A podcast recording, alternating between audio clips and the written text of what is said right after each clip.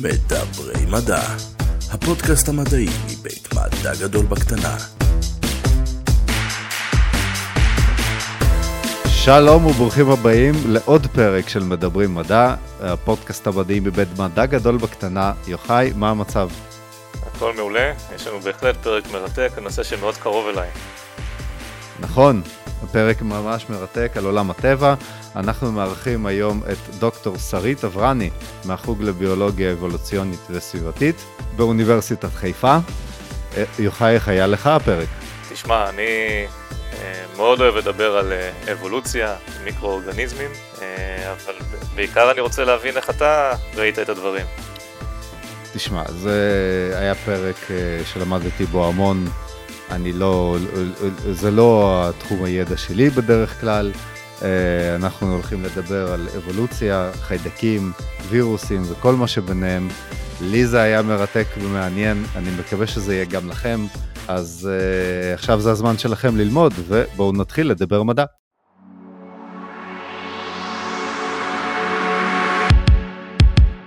אה, דוקטור שרית אברני, שלום, ברוכה הבאה לפודקאסט שלנו. שלום, תודה שהזמנתם אותי. בהחלט יש לנו נושא שיחה אה, מרתק היום, אולי אה, לפני זה אה, אולי תוכלי, תוכלי להגיד כמה מילים על עצמך, להציג אה, אה, איפה את נמצאת היום, איך הגעת לשם, מה המעבדה שלך עושה. אוקיי, okay, אז אה, אני חוקרת אה, אה, באוניברסיטת חיפה אה, ובעצם המעבדה שלי סובבת סביב האינטראקציות אה, בין אה, ציאנו-בקטריה שהם חיידקים שעושים פוטוסינתזה קצת בדומה לצמחים, בעצם לא קצת, הרבה בדומה לצמחים, ולווירוסים שמדביקים אותם. מה שאותי באמת מעניין זה אותם אינטראקציות בין, בין, בין אורגניזמים באופן כללי ובמערכת שלי בין, בין הווירוסים לציאנו-בקטריה באמת מעניין אותי מה, אמ, איך האינטראקציות האלה משפיעות על האבולוציה של, אה, של גם של הווירוסים וגם של החיידקים אה, והכל בהקשר של איך זה אה, קשור באמת לסביבה המקורית שמהם הם מגיעים. אנחנו את רוב הדברים שאנחנו חוקרים חוקרים בעצם במעבדה אבל uh, תמיד מנסים לקשר את התוצאות של הניסויים שלנו למה שקורה בסביבה באמת ולא רק במעבדה בתוך המבחנות שלנו. אז אמרנו פה מספר uh, uh, נושאים uh, שכל אחד בפני עצמו יכול להיות uh, נושא לפרק עצמאי uh, אבל אולי uh, נתחיל כי המאזינים שלנו מן הסתם uh, uh, מכירים מה זה אבולוציה, שמעו את זה אבל זה, אבולוציה זה דבר מאוד רחב שנוגע בהרבה תחומים בעולם הטבע אה, איפה זה פוגש אותנו עם אה, אה, מיקרואורגניזמים או אפילו ציינו בקטריה? אז בעצם מיקרואורגניזמים אלה בעיניי ואני חושבת שלא רק בעיניי, בעיני הרבה אנשים הם בעצם האורגניזמים האידיאליים לחקור אבולוציה כי מה זה בעצם אבולוציה? אבולוציה הבסיס שלה זה איזושהי, איזושהי שונות שיש בטבע בגנומים של אמ, של אורגניזמים שונים ואיך, אה, והתהליכים שבעצם אה, משפיעים על איזה וריאנטים, איזה בדיוק מוטציות אה, יתקבעו בסביבה או ישתנו, כל מיני תהליכים כאלה, אז, אז אנחנו מתחילים מאירועים שהם מאוד רנדומליים, שהם, שהם לא מוכוונים, וכוחות שונים יכולים להשפיע, ש, שחלקם רנדומליים וחלקם אה, כן אה, קשורים לתנאי הסביבה הספציפיים, אה, יכולים להשפיע על ההישרדות של, אה, של וריאנטים ספציפיים אה, אה, בסביבה. אה, ובעצם אה, כדי לחקור אבולוציה אז הרבה פעמים צריך לחכות אה, באמת דורות רבים כדי לראות אה, מי הם אותם וריאנטים אה, ששורדים, מה המוטציות שעולות. ו... ונגיד אם אנחנו מנסים לחקור את הדברים האלה בבני אדם מאוד קשה מעבר ל... לענייני אתיקה וזה שאת זה נשים בצד מאוד קשה לחקור אה, אה, אה, הורשה וממש ברמה של ניסויית אה, כי פשוט זמן הדור אה, הוא מאוד גדול ו- וכאשר אנחנו מגדלים, ואני חייבת להודות שהמערכת שלנו היא לא הכי אידיאלית, מערכות הכי אידיאליות במיקרואורגניזמים כאלה של חיידקים שמתחלקים פעם ב-20 דקות, החיידקים שלנו מתחלקים בערך פעם ביומיים, אבל זה עדיין יחסית אה, מהיר, ואז אה, אה, לעקוב אחרי שינויים שמתרחשים במערכת שבה באמת זמן הדור הוא בערך יומיים, זה יתרון מאוד גדול כי במהלך המחקר שלנו אנחנו יכולים לעקוב אחרי הרבה דורות של אותם מיקרואורגניזמים ובאמת לתכנן ניסויים שבהם אנחנו נוכל לעקוב אחרי התהליכים האבולוציוניים שעוברים עליהם בתנאים, אנחנו מנסים לחקות תנאים שהם דומים לסביבה. אז בעצם אנחנו יכולים לראות אבולוציה קורית מתחת למיקרוסקופ שלנו, במקום לחכות זמן רב, כמו שהיינו עושים בוא נגיד עם אורגניזמים קצת יותר גדולים בטבע. מתחת למיקרוסקופ אנחנו פחות רואים את זה, אבל אה, אפשר אה, נגיד אולי בעתיד אנחנו נשמח לראות אה, דברים כאלה. אני בטוחה ששוב פעם במערכות שהן קצת יותר מהירות אפשר גם לראות את זה מתחת למיקרוסקופ זה לגמרי קורה. ואיך אתם בעצם חוקרים את השינויים לפי ביטוי כשאתם רואים, אה, אה, בוא נגיד בפעילות המיקרואורגניזם או בריצוף פשוט אה, מרצפים את ה-DNA או אם זה וירוסים יכול להיות גם RNA, נכון? תלוי בווירוס. אז נכון, אז אנחנו במקרה עובדים כרגע עם וירוסים של DNA ומה שאתה אמרת זה בעצם שני דברים שמשלימים אחד את השני ואנחנו בעצם עושים גם וגם. לרוב אנחנו, מה שאנחנו עושים זה באמת אה, אה, למשל אני אתן דוגמה למשהו שכאשר אנחנו רוצים לראות אה, איזה גנים מקנים עמידות או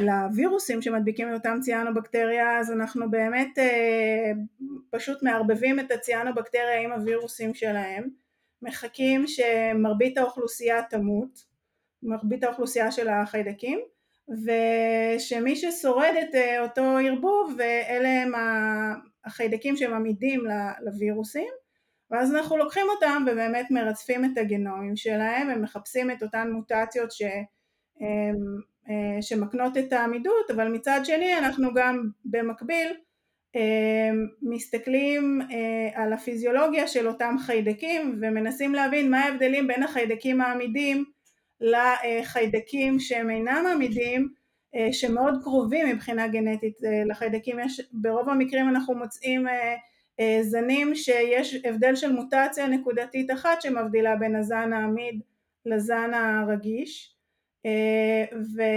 ואנחנו מנסים לראות מה ההבדלים הפיזיולוגיים שבאים עם המוטציה הזו מעבר לעניין העמידות אז זה בעצם מה שאנחנו בדרך כלל עושים אני חייבת לומר שבאמת העבודה על, ה, על הבדיקה הפיזיולוגית, המחקר הפיזיולוגי הוא לוקח הרבה הרבה יותר זמן מאשר עניין הריצוף, הריצוף זה משהו ש, שמקבלים עליו את התוצאות די מהר. טוב, הוא נהיה יותר פשוט גם עם השנים.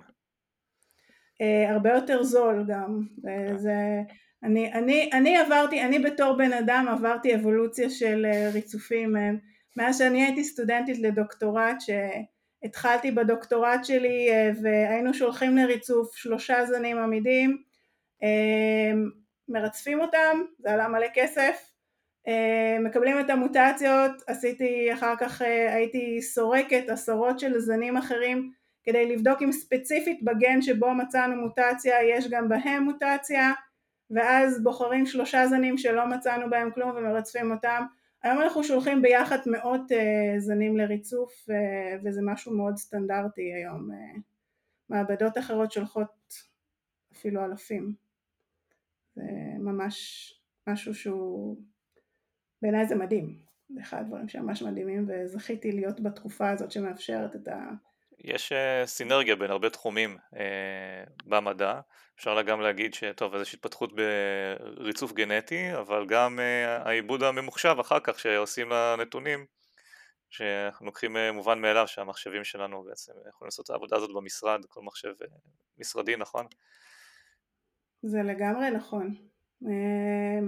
זה, זה גם באמת, גם, אני, גם זה משהו שאני רואה, אם בדוקטורט היה לי שותף ממכון ויצמן שזה היה פרק בדוקטורט שלו לעשות את האנליזה של הכמה המוטציות האלה, היום כל סטודנטית אצלי זה מין איזה חלק קטנטן ב, בעבודה של הזיהוי של המוטציות עצמן, אה, אה, כי, כי יש היום כלים שכבר ממש בצ'יק אפשר אה, להפעיל אותם ולמצוא את המוטציות, זה פשוט עולם אחר. ועם כל ההתפתחויות שיש בשנה האחרונה עם בינה מלאכותית, אני בטוח שגם נוכל בזמן הקרוב מאוד לשים שם את כל הדאטה וזה גם יגיד לנו בעצמו מה... אה, נראה לי שאנחנו טרם שם, אולי, אולי בקרוב, כן. נראה לי שעכשיו בטוח נקבל תוצאות, פשוט לא ברור איזה אחוז מהם קשור למציאות, אבל צריך להיות אה, קצת אה, סלקטיבי עם הדברים האלה. אז אה, אני רוצה לשאול אולי ספציפית על המודלים שאתם בוחרים במעבדה שלכם, כלומר האם הבחירה היא בגלל ש... אני אגיד כאן דוגמה, אבל יכול להיות שיש מיקרואורגניזמים אחרים, נגיד כי ציינו בקטריה יש לה איזה שימוש מיוחד שאתם אה, מייעדים, בשביל זה צריך שווה לחקור את זה, או שזה מודל מאוד טוב להרבה מיקרואורגניזמים, או שבכלל אולי לכיוון המחשבה טוב בכלל כללית למשהו אחר, וטוב אה, לפתח את הידע בכיוון. אמ, אז קודם כל אה, אמ, חשוב להזכיר את החשיבות הסביבתית של ציאנובקטריה, הם חשובים בכמה רמות, קודם כל אה, כמו שאמרתי ציינו בקטריה בדומה לצמחים הם בעצם באיזושהי רמה אבות הקדמונים של היכולת הפוטוסינתטית של צמחים. אמ, ו... אז ציאנובקטריה נמצאים אה, כמעט בכל מקום, גם מקומות שאתם לא יכולים לדמיין שהם נמצאים בהם, הם נמצאים בים, הם נמצאים במקווי מים מתוקים, היפר מליחים, אה, בקרקע, ממש בכל מקום בקרקע, ובכל המקומות שהם נמצאים הם עושים פוטוסינתזה. ופוטוסינתזה זה אחד התהליכים הכי בסיסיים שהם מאפשרים לנו להתקיים פה על פני כדור הארץ אה, מכמה סיבות מסיבה אחת אה, הבסיסית שבגללה בכלל יש פוטוסינתזה זה שפוטוסינתזה לוקחת בעצם את האנרגיה של השמש והופכת אותה לאנרגיה כימית שנמצאת בתוך מולקולות של סוכר.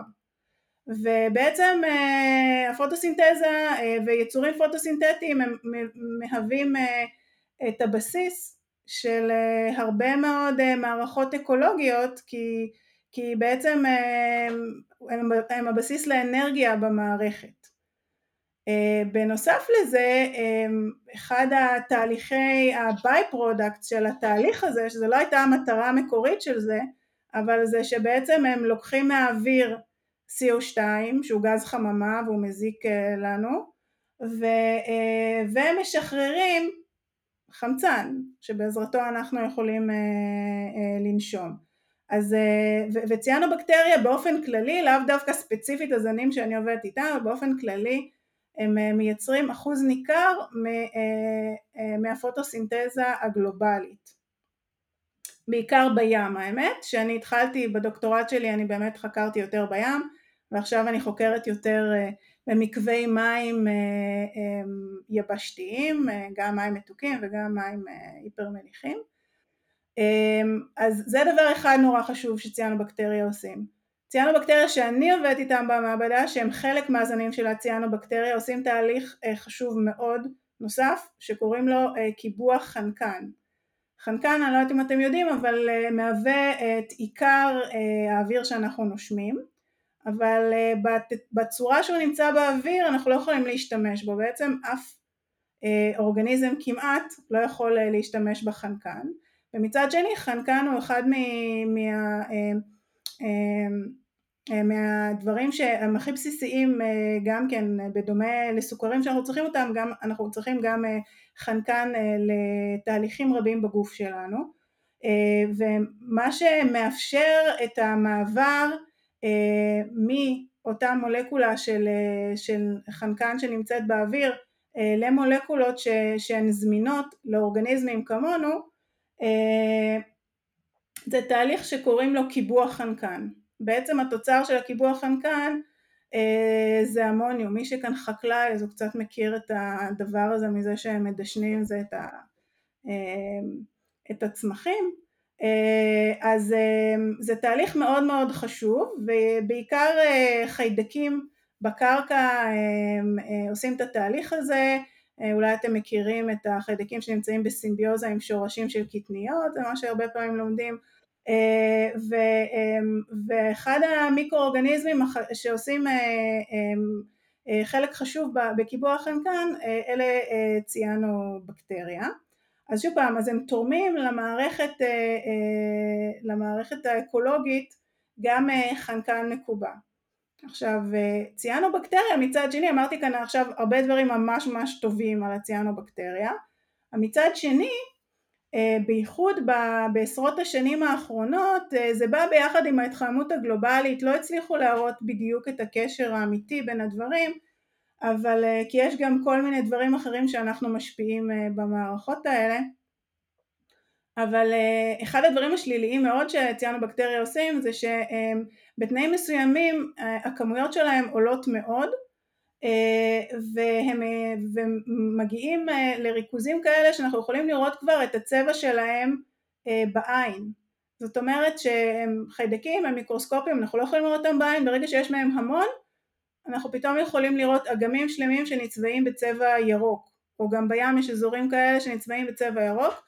הדבר הזה קוראים פריחות עכשיו הפריחות האלה הן מאוד מאוד מזיקות למערכת האקולוגית, הן אה, עושות כל מיני אה, אפקטים שליליים, אני לא ארחיב אה, על זה עכשיו, אבל אחד הדברים המאוד שליליים של הפריחות האלה זה שהרבה מהציאנובקטריה שעושים פריחות גם מייצרים טוקסינים, זאת אומרת רעלנים וברחבי העולם, בהרבה מדינות, זה לא משהו ספציפי לישראל, זה קורה בקטנה בכנרת, אני, ישראל זאת הבעיה המאוד קטנה של הדבר, של התופעה הזו, אבל ברחבי העולם יש אה, הרבה מאוד אגמים שפשוט אסור להתקרב אליהם כשיש פריחה של ציאנובקטריה, יש ערים שמקור המים שלהם זה אגמים שהם יושבים עליהם, אפילו בארצות הברית, בסין, אה, הרבה מקומות אה, שיכולים להיות מקרים וזה לא משהו איזוטרי זה משהו שקורה אה, ששבועיים נפסקת אספקת המים לעיר כי יש פריחה רעילה של ציאנובקטריה באגם ואי אפשר להשתמש במים. כלבים ששותים מהמים מתים. זה משהו, אני סליחה שאני נשמעת מפחידה אבל זה משהו שפשוט קורה, זה משהו שקרה תמיד אבל פשוט התופעות האלה הולכות ונהיות גם יותר חריפות וגם, אה, וגם אה, אה, מתרחשות יותר פעמים ממה שהיה בעבר. ולכן יש המון המון מאמצים ללמוד על הדינמיקות של הפריחות האלה, מה יכול בעצם להשפיע עליהן ואיך אפשר בעצם לבלום אותן, הרבה, הרבה מהמחקר עובד על בעצם אפשר למנוע אותם או לתפוס אותם כשהם רק בהתחלה אה, כדי למנוע את אותם אה, זנים רעילים ש... כי ברגע שהזנים הרעילים נמצאים שם אתם צריכים להבין שגם אם הורגים אותם הם פשוט משחררים למים את, ה... אה, את הרעלנים, זה לא עוזר. אז כרגע אנחנו לא, כרגע אנחנו לא יודעים ממה זה נגרם? אה, מה גורם? זה, אה, יודעים הרבה על זה, יש, אה, זה קשור הרבה בהזרמה של,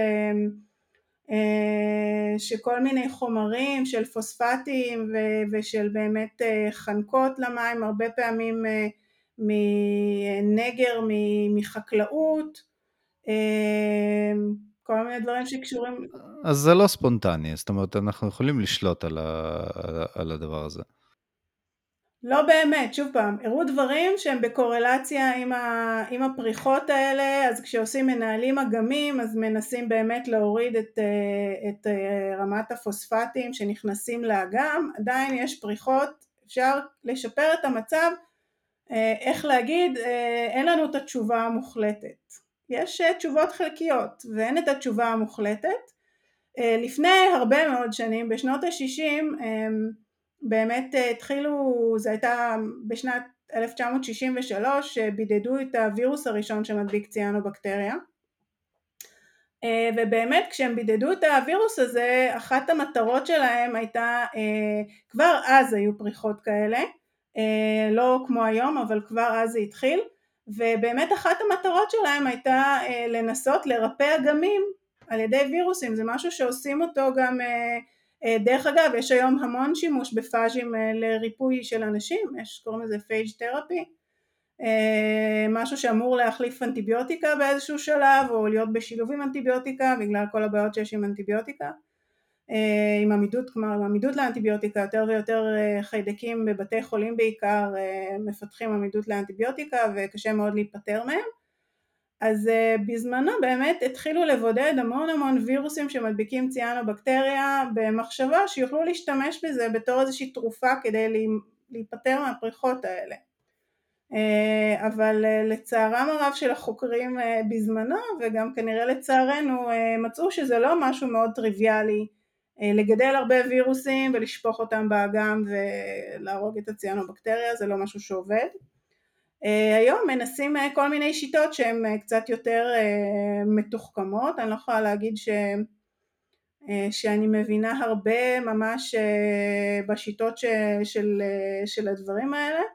אמ, אבל אה, אנחנו כן אה, חושבים, אמ, אני, אני גם לא יכולה, אני גם לא מחשיבה את המעבדה שלי כמעבדה שהיא עושה דברים שהם אה, מתקרבים להיות אפליקטיביים, אנחנו חוקרים דברים שהם קשורים למדע בסיסי, אבל בהחלט תמיד ברקע עומדת החשיבות הזו של, של ההבנה של, ה, של הדינמיקות של, של הציאנובקטריה, של הווירוסים שלהם במהלך במהלך הפריחות האלה, למשל אחת, ה, אחת השאלות שנגיד אותי ממש ממש אה, סקרנה אה, ממש לפני שפתחתי את המעבדה שלי כאן אה, הייתה אה, אותו עניין של איך, אה, איך הדינמיקות האלה עובדות באמת כשיש וירוסים במערכת כי, כי אתם צריכים להבין שהחיידקים האלה למשל החיידקים שאני עובדת עליהם שמייצרים למשל בכנרת פריחות בקיץ בחורף כמעט אי אפשר לראות אותם במים.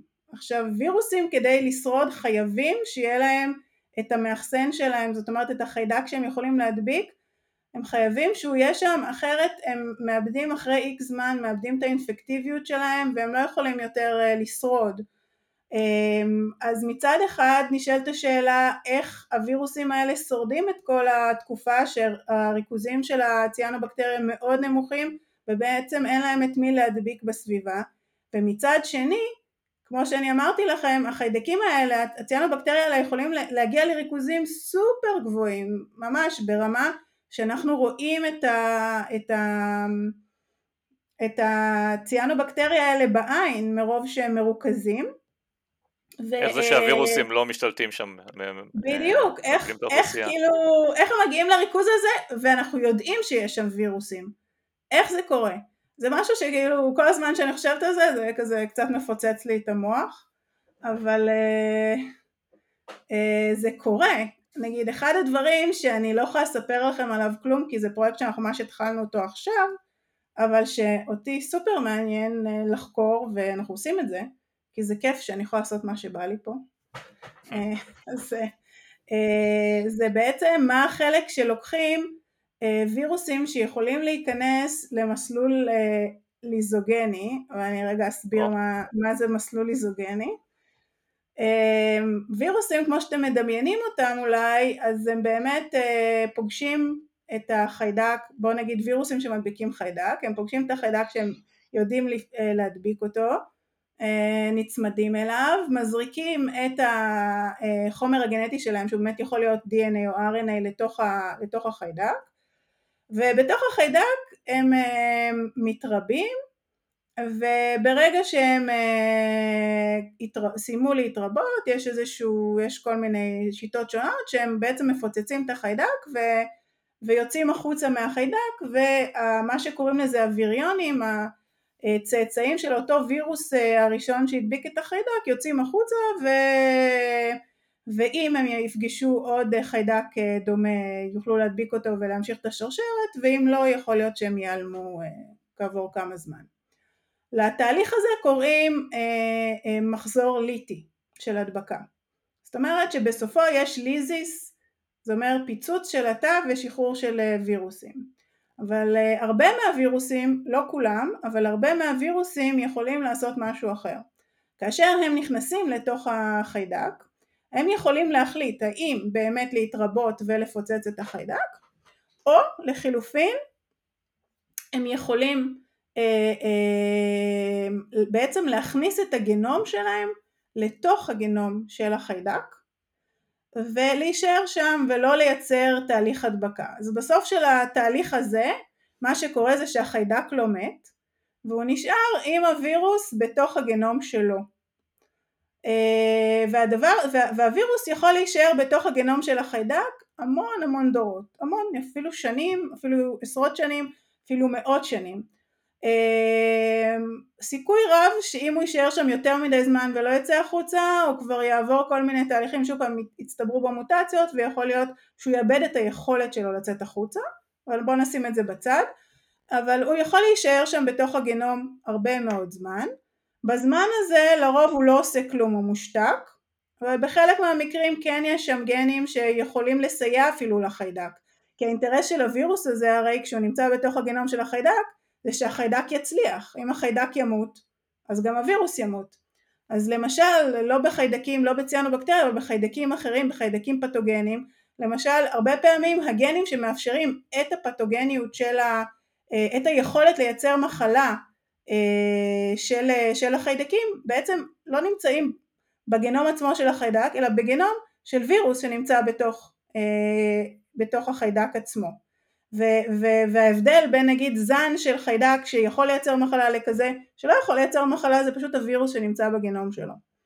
אז אה, בציאנובקטריה אנחנו עדיין לא יודעים על תכונות כאלה שהווירוסים יכולים לשאת ולסייע לציאנובקטריה זה עוד משהו שמעניין אותנו לחקור. אבל אם אנחנו נחזור למערכת שלנו, אז, אה, אז באמת יש מחשבה, וזה לא רק אני חושבת ככה, אבל, אבל לא כל כך חוקרים את זה עדיין, שיכול להיות שבעצם מה שקורה זה שבמהלך הפריחה הווירוסים נמצאים בכזה שלב ליזוגני בתור אה, מה שקוראים לזה פרופאז' שזה הגנום של, החי... של הווירוס נמצא בתוך הגנום של החיידק אה, ולכן, ודרך אגב כאשר ה, ה, יש גנום כזה של וירוס בתוך החיידק, וירוסים שהם דומים מאוד לווירוס הזה לא יוכלו להדביק את החיידק הזה, הוא, הוא הופך להיות עמיד לווירוסים אה, שדומים אה, לווירוס שבתוך הגנום שלו, כן זה קצת, זה עלילה שזה... מסתבכת, זה כן, אז, אז מאוד יכול להיות שזה בעצם אם, אם הווירוסים האלה מבלים את הפריחה בתוך הגנום של החיידק אה, לא מאפשרים לווירוסים שמסביב להדביק אותו ובעצם אה, בסוף הפריחה יש איזשהו סיגנל שמאותת לווירוסים האלה לצאת החוצה ו, אה, ולייצר הדבקה שיכול להיות שהיא אחת הסיבות לקריסה של הפריחה הזאתי אז מאוד יכול להיות שזה מה שיכול להסביר את הסיטואציה, זה סיפור מאוד יפה, צריך להוכיח את זה עכשיו. האם זה. יכול להיות קשור גם לעניין של תקשורת בין חיידקים? הם, הם כן מעבירים ביניהם מידע? זה. לגמרי, זה לגמרי יכול להיות קשור, בכלל ציינו בקטריה מאוד מתקשרים האחד עם השני,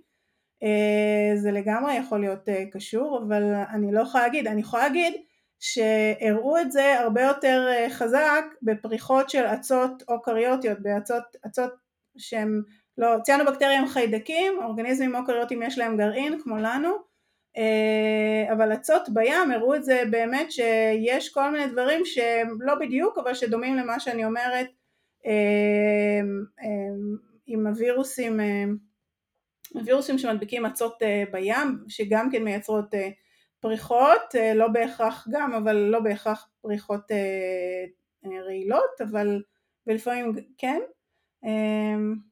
אבל uh, זה משהו שנגיד אנחנו מאוד מעניין אותנו לנסות uh, uh, ו- ולחקור. אנחנו תכף חוזרים לפרק, לפני זה חסות קצרה.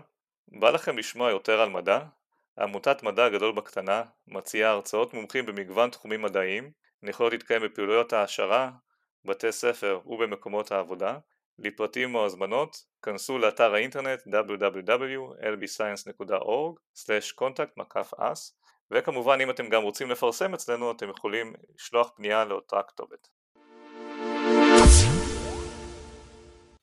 אני חושב שהיה כאן מספר דוגמאות שנגענו בהן ואולי שווה לדבר קצת על המנגנון היותר אה, כללי או איך שרואים את זה בעולם הטבע על אה, סימביוזה בין אה, אורגניזמים שונים או מיקרואורגניזמים שונים. למשל ציינת מקודם שציינו בקטריה יש לה סוג של סימביוזה עם עצים עם, עם שורשים נכון? של, של לא, צמחים לא לצ...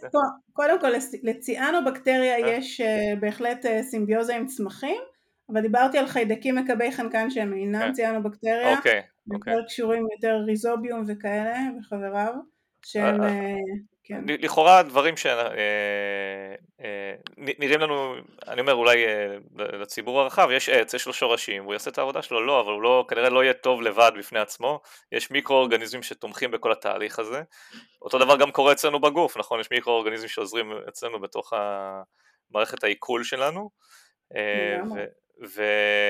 ואז גם אנחנו לומדים, יכול להיות שבעצם האינטראקציה של וירוסים, אז אה, יש אה, אינטראקציה בין הווירוסים עצמם אה, לציאנו-בקטריה שגם יכול להיות מועילים לשני הצדדים, כלומר נראה לי שהכל הולך באבולוציה, בעולם הטבע הכל, הכל עובד, כל מה שאנחנו יכולים לדמיין פשוט קורה בצורה כזאת או אחרת.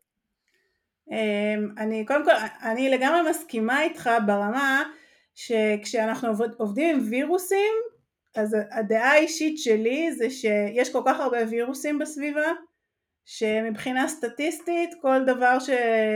טוב אולי אני מגזימה אבל רוב הדברים ש... שתחפש בסוף תמצא. אה, כי, כי, כי, כי יש כל כך הרבה כאלה. והם באמת אה, באינטראקציה, הם, אני חושבת שאין שום אורגניזם שאין וירוסים שיכולים להדביק אותו ואם מישהו מצא אורגניזם שאין וירוסים שמדביקים אותו זה כי הם עדיין לא הצליחו למצוא את הווירוסים שמדביקים זה, אותו. זה בדיוק אה, מזכיר לי איזה פרויקט ששמעתי עליו לפני כמה שנים, כי מה, מה האתגר הגדול עם, אה, עם, לפחות עם אה, חיידקים? זה לגדל אותם בתנאי מעבדה. יכול להיות שהם לא אוהבים את האוכל שאנחנו מביאים להם, את התנאים שלנו, הם מעדיפים את הפינה החשוכה שלהם באיזה מקום 200 מטר מתחת לפני הים. ויש איזה, הייתה איזה קבוצה שעברה עם אוניות באוקיינוס אספה, נכון, אה, אה, סתם דוגמיות, ואז מרצפת את, ה, כן. את הגנים לראות מה נמצא שם. אה, נכון, זה דרך אגב אתגר מאוד גדול בהקשר של וירוסים, כי אם אנחנו שוב פעם חוזרים למשמעות האקולוגית של, של וירוסים ועל ההשפעה שלהם על הסביבה, נכון? אז כשאנחנו באמת עושים את המאמצים האדירים האלה לרצף נגיד מיקרואורגניזמים למשל בים, אז אה, אנחנו יכולים ללמוד הרבה על, אמ, על המיקרואורגניזמים שהם תאיים, נגיד אה, ארכרות, חיידקים, אה, או קריוטים קטנים נגיד כמו אצות חד תאיות, אנחנו יכולים ללמוד הרבה מהגנומים שלהם על מה הם יכולים לעשות, כמה מהם יש, אנחנו כבר יודעים גם, על, נגיד אם אנחנו נראה גנומים של ציאנובקטריה, אנחנו נדע שהם מקבעים כנראה אה, פחמן, הם, שהם עושים פרוטוסינתזה, נכון? אז אנחנו, זה יגיד לנו משהו על מה שמתרחש שם. מה הבעיה עם וירוסים? שווירוסים כשאנחנו מרצפים את הגנומים שלהם, אם אנחנו לא יודעים את מי הם מדביקים, אז המשמעות שלהם ב, בכל המערכת האקולוגית הזו היא לא ברורה לחלוטין, כי אוקיי, אז אנחנו רואים שם גנום של וירוס, אבל את מי הוא מדביק? והגנומים של הווירוסים לא תמיד אומרים לנו את מי הם מדביקים. ו... ואז כשאנחנו מסתמכים אך ורק על נתונים שהם נתונים של ריצוף אפשר ללמוד מהם הרבה מאוד דברים אבל עדיין יש מגבלה אה, בהבנה של התמונה הכללית. עכשיו יש קבוצות אה, חישוביות מאוד מאוד חזקות אה, שזאת אחת המטרות שלהם באמת למצוא את הדרכים לקשר בין אה, בין גנומים של, אה, של וירוסים לאת מי בעצם הם מדביקים בדגימה הזאת ש, שמשם דגמו אותם. פעם ניסו אה, לעשות את זה על ידי רצפים, אפשר איזשהו אחוז אה, מהווירוסים להבין בערך את מי מדביקים לפי הרצף של, הרצף של הגנום שלהם, אבל uh, היום מנסים לעשות את זה בשיטות אחרות שגם uh, לוקחות בחשבון באמת את השכיחות שלהם, זאת אומרת צריך למשל לעשות דגימות uh, בזמנים שונים, במקומות שונים, uh, uh, גם של הווירוסים וגם uh, של אורגניזמים התאיים, שוב פעם החיידקים, הארכאות, ולנסות להבין מה הקשר בין השכיחות של הווירוסים השונים לזה של המאחסנים הפוטנציאליים שלהם ובשיטות האלה מנסים בעצם לקשר בין, בין מי מדביק את מי. יש לזה אחוזי הצלחה כלשהם שמשתפרים עם השנים, כמו שאנחנו אמרנו עד עכשיו הכל משתפר עם השנים, היכולת שלנו להבין הרבה דברים, אנחנו גם זה שיש לנו עכשיו יכולת, שוב פעם, את הכמויות דאטה המטורפות האלה, זה משהו שקצת מקדם אותנו לקראת ההבנה היותר טובה של הדברים האלה, אבל באמת זה לא משהו שהוא ישיר, שהוא straight forward, לקחת גנום מהסביבה של וירוס ואנחנו יודעים מה, מה בעצם הוא עושה שם. יש לי שאלה, אני לא יודע אם יש איזו תשובה ממש פשוטה, אבל זה מעניין אותי פשוט עם אנשים שעובדים עם חיידקים יום יום במעבדה, במיוחד בקונטקסט אבולוציוני, אנחנו רואים שאוקיי, גם אצל חיידקים, זה מאוד מגוון, יש המון סוגים של חיידקים, מינים שונים, נכון? כמו כל, כל, כל העץ בעולם הטבע. האם לאורך בצורה מחקרית, האם יצא לנו בעצם לראות איזו התפתחות של מין נפרד או איזה שינוי מאוד גדול שהיינו רואים, שהוא קורה בתנאי מעבדה. את מבינה למה אני מתכוון? שאפשר להגיד, או, זה התפצלות שהיא מאוד מאוד משמעותית. כי בעולם הטבע כשאנחנו רואים אותם יש פשוט המון, אבל השאלה אם זה משהו שיוצא לנו לראות כן. בתנאי מעבדה. אמ, אז אמ, אני יכולה, אז תמיד השאלה הנשאלת זה מה אתה מגדיר בתור התפצלות. כי למשל באורגניזמים שעושים סקס זה מאוד פשוט. נכון. ההתפצלות זה כשהם לא יכולים להביא צאצאים פוריים לעולם, נכון? נכון. ואז זה כבר שני מינים נפרדים. באורגניזמים חד תאים ש...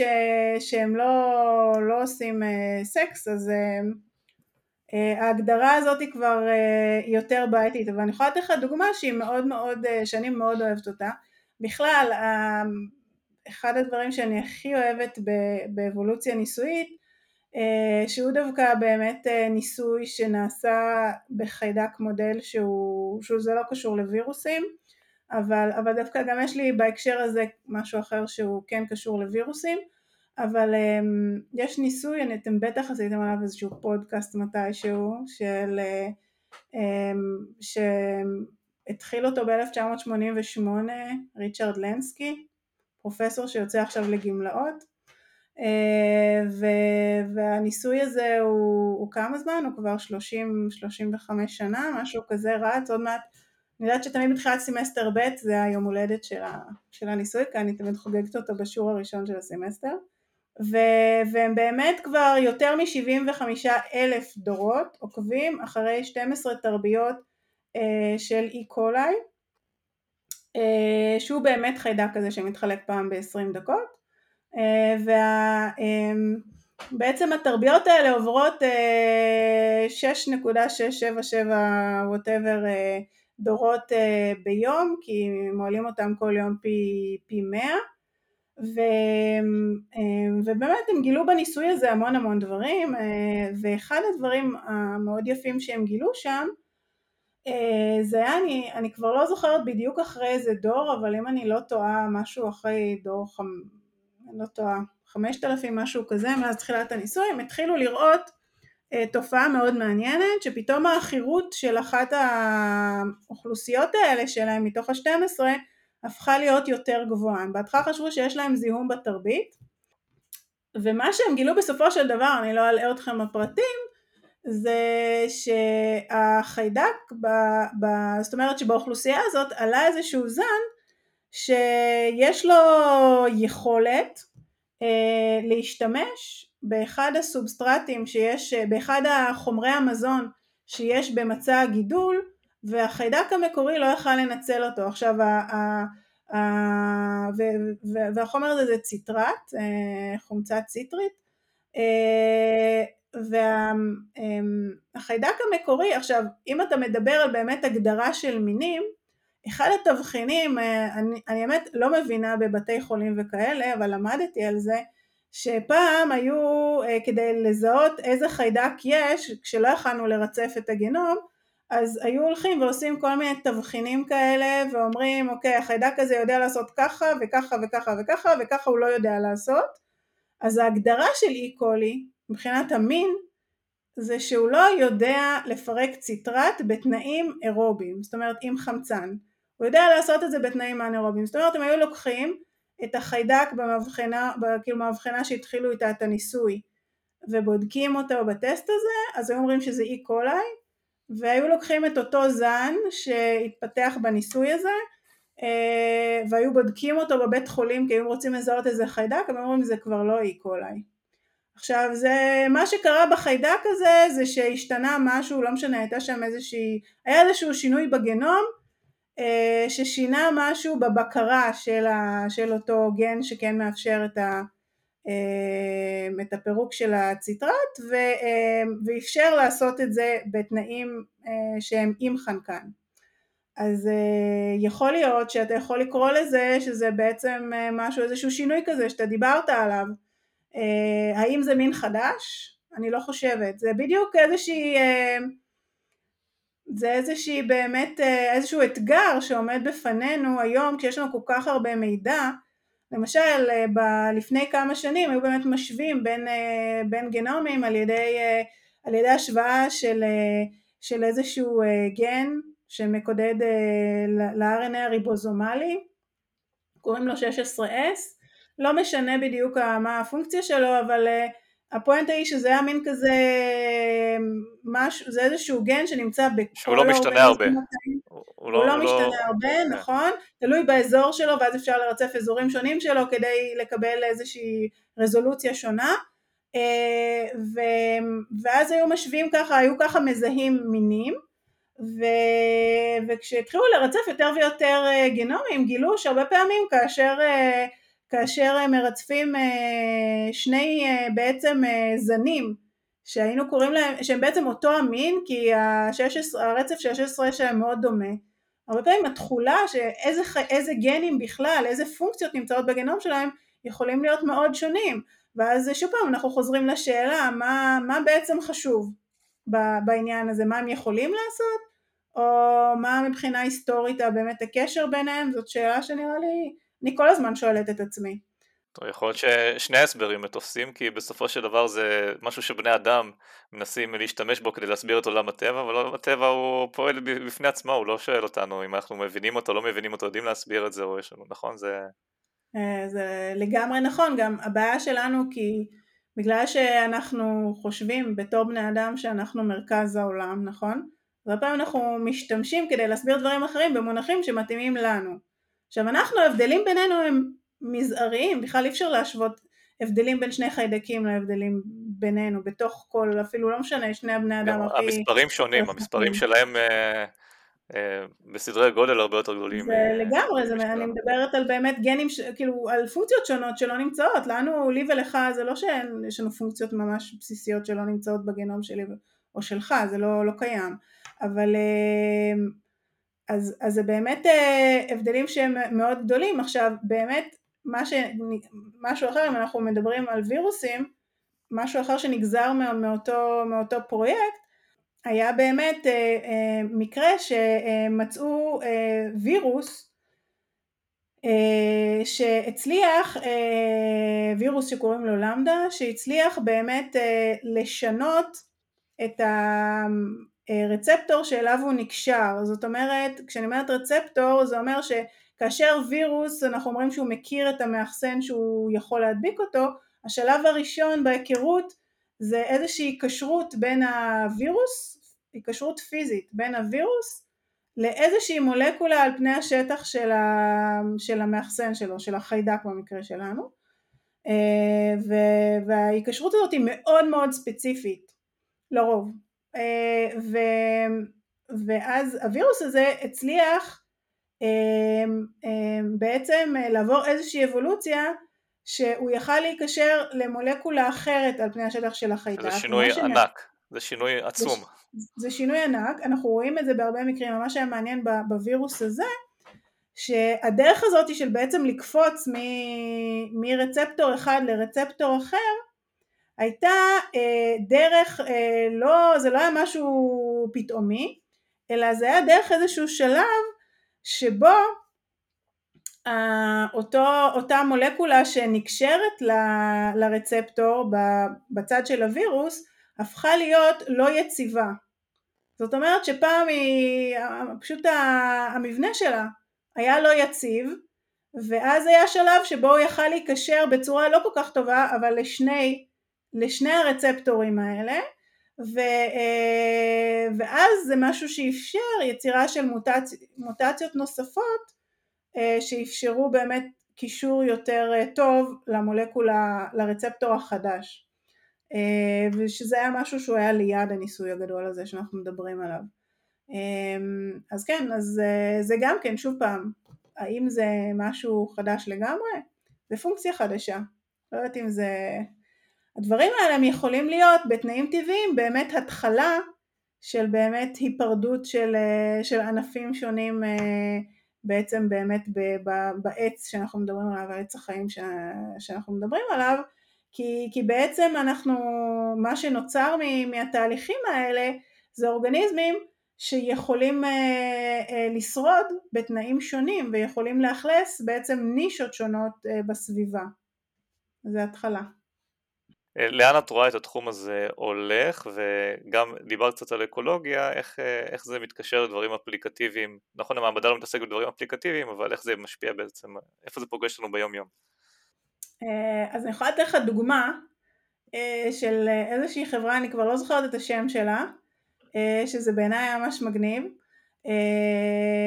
חברה שנמצאת בכפר ביאליק שזה ממש קרוב לכאן שמה שהם עושים, אחד הדברים שהם עושים, אני לא, לא יודעת מה כל הדברים שהם עושים, אבל בעצם מגדלים, אה, אה, מגדלים ציינו בקטריה שמקבעים חנקן, שהם באמת מאוד דומים לזנים שאנחנו עובדים איתם פה, ומשתמשים בהם בשביל לייצר דשן לגידולים, למשל שמגדלים חסה, איך קוראים לזה? אני, אני לא זוכרת, הידרופונים. כן. אה, לגידולים אה, הידרופונים אה, שמגדלים בעצם צמחים, אני, אני מכירה שמגדלים חסה, אני לא יודעת איזה עוד צמחים מגדלים בצורה הזו, יש, יש עוד. חברים, כן? כן? זה, אנחנו, קרוב לבית שלי זה חסות. קנאביס למשל. באמת? די.